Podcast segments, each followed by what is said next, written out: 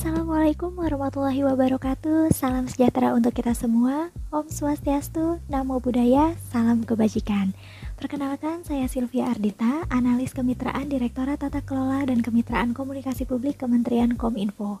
Pada kesempatan ini, saya akan menyampaikan summary dari modul habituasi Agenda 4 Pelatihan Dasar CPNS Kementerian Kominfo Habituasi dapat diartikan sebagai pembiasaan terhadap sesuatu, seperti pembentukan karakter peserta latsar yang sudah dimulai sejak awal agenda pertama. Kemudian, para peserta difasilitasi dengan berbagai macam stimulus, sehingga diharapkan para CPNS ini akan terbiasa bertindak sesuai dengan kriteria idealnya seorang PNS di lingkungan bekerja berdasarkan dengan tugas maupun fungsinya. Nah, ada dua indikator keberhasilan dalam habituasi. Yang pertama adalah pedulinya peserta akan permasalahan di lingkungan bekerja. Diwujudkannya dalam bentuk apa? Yakni kemampuan peserta dalam mengidentifikasi suatu isu permasalahan. Indikator yang kedua adalah kemampuan peserta untuk berkontribusi memberikan solusi maupun pemecahan terhadap permasalahan tersebut.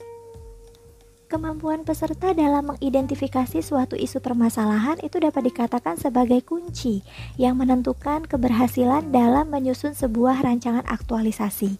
Ada tiga kemampuan yang mempengaruhi. Yang pertama adalah kemampuan environmental scanning, yang kedua adalah kemampuan problem solving, dan yang ketiga adalah kemampuan analisis. Nah, dalam melakukan identifikasi isu itu tidak jarang kita akan dihadapkan dengan berbagai macam pilihan isu sehingga bisa saja membuat kita bingung menentukan mana nih isu ataupun permasalahan yang layak untuk diangkat. Untuk menghadapi kendala tersebut, kita bisa menggunakan dua teknik tapisan isu. Apakah itu? Yang pertama adalah teknik tapisan AKPK. Aktual artinya permasalahan itu memang benar-benar terjadi dan sedang hangat dibicarakan. Kemudian kehalayakan, isu atau permasalahan itu menyangkut hajat hidup orang banyak. Problematik, isu ataupun permasalahannya memiliki dimensi masalah yang kompleks sehingga perlu nih untuk dicarikan informasinya ataupun solusinya dengan segera. Kemudian ke layakan, yakni isu ataupun permasalahan itu masuk akal, realistis, dan juga memang memungkinkan untuk kita carikan pemecahan masalahnya. Adapun teknik tapisan yang kedua yakni kriteria USG urgency, seriousness, dan juga growth. Urgency dilihat dari seberapa mendesaknya suatu isu untuk dibahas, dianalisis, ataupun ditindaklanjuti. Sementara kalau seriousness ya ini seberapa seriusnya suatu isu untuk dibahas dikaitkan dengan akibat yang akan ditimbulkan. Dan growth adalah kalau permasalahan tersebut tidak segera diatasi, kemungkinan memburuknya sebagaimana. Kemudian eh, apa saja yang bisa ditimbulkan. Nah, dari berbagai macam pilihan isu yang telah kita saring menggunakan dua teknik tapisan isu, maka kita nanti bisa mengambil satu isu utama atau kita sebut sebagai core isu.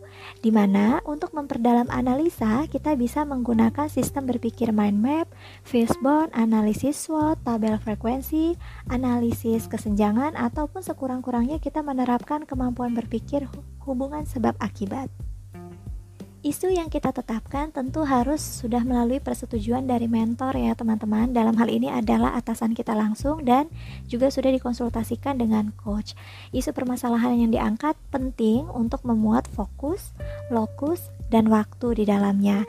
Nah, dalam membuat rancangan aktualisasi, selain kita bisa menghadirkan sebuah isu permasalahan, kita juga dituntut untuk menghadirkan ataupun mencarikan solusi penyelesaian masalahnya. Solusi yang kita tawarkan itu sebaiknya memang bisa kita lakukan sesuai dengan ranah tugas dan fungsi jabatan kita.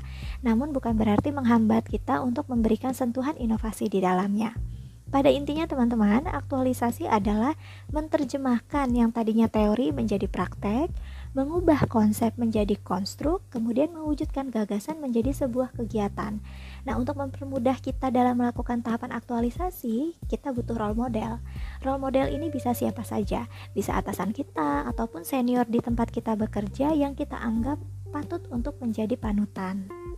Adapun tahapan yang akan dilalui oleh peserta dalam pembelajaran aktualisasi itu yang pertama merancang aktualisasi, yang kedua mempresentasikan rancangan aktualisasi, yang ketiga adalah melakukan aktualisasi, keempat melaporkan aktualisasi dan yang terakhir adalah mempresentasikan dari laporan aktualisasi.